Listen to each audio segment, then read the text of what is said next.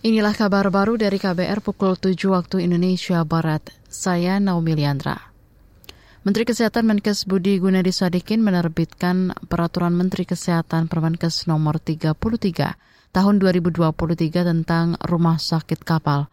Permenkes bertujuan untuk memberikan perlindungan hukum bagi penyelenggara, tenaga medis, dan tenaga kesehatan dalam operasional rumah sakit kapal. Selain itu juga menjadi payung hukum agar layanan rumah sakit kapal dapat dibiayai oleh BPJS Kesehatan. Ini disampaikan Menkes Budi saat meninjau Rumah Sakit Terapung Satya Erlangga RSTKA di Dermaga Perairan Labuan Bajo, Manggarai Barat, Nusa Tenggara Timur, Sabtu 9 September lalu. Nanti semua program-program pemerintah maupun juga donor-donor dari luar, kalau melihat ini udah ada dasar hukumnya, itu yang penting. Dengan demikian, nanti mulai masuk tuh pendanaannya, subsidinya, donasinya, alat-alatnya. Dan saya merasa bahwa kali ini kita meluncurkan peraturan pemerintah ini pertama kali dan mudah-mudahan masa depannya nanti jalannya layanan kesehatan Satria Erlangga dan Dr. Siap akan lebih mulus dan lebih bersih.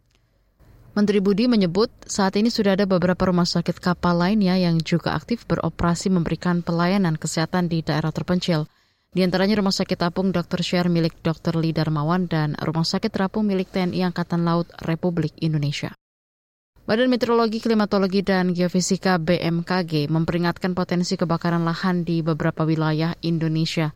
Perakirawan BMKG Maria Claudiana Jiling mengatakan wilayah-wilayah tersebut adalah Sumatera bagian selatan, wilayah Pulau Jawa, Kalimantan bagian selatan, wilayah Sulawesi bagian selatan, dan sebagian kecil wilayah Papua bagian selatan.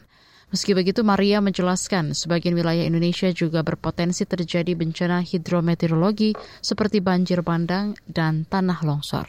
Yang berlaku untuk tanggal 11 September 2023 dengan status waspada berpotensi terjadi di wilayah Kalimantan Timur, Kalimantan Utara, Sulawesi Utara, Sulawesi Tengah, Gorontalo, Maluku, Maluku Utara, Papua Barat, dan Papua.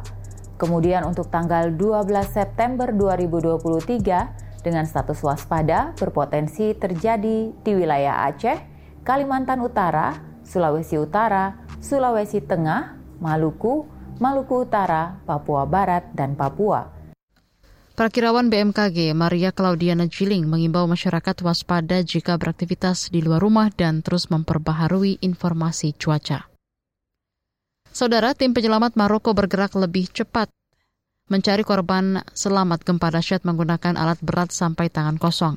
Melansir CNN yang mengutip data resmi pemerintah pada Minggu 10 September jumlah korban tewas sedikitnya mencapai 2.122 orang, sedangkan korban luka lebih dari 2.400 orang. Gempa bermagnitudo 6,8 terjadi pada Jumat 8 September di Maroko, menyapu bersih seluruh desa di perbukitan Pegunungan Atlas. Kerajaan Maroko sudah mengumumkan tiga hari berkabung nasional dan mengibarkan bendera setengah tiang.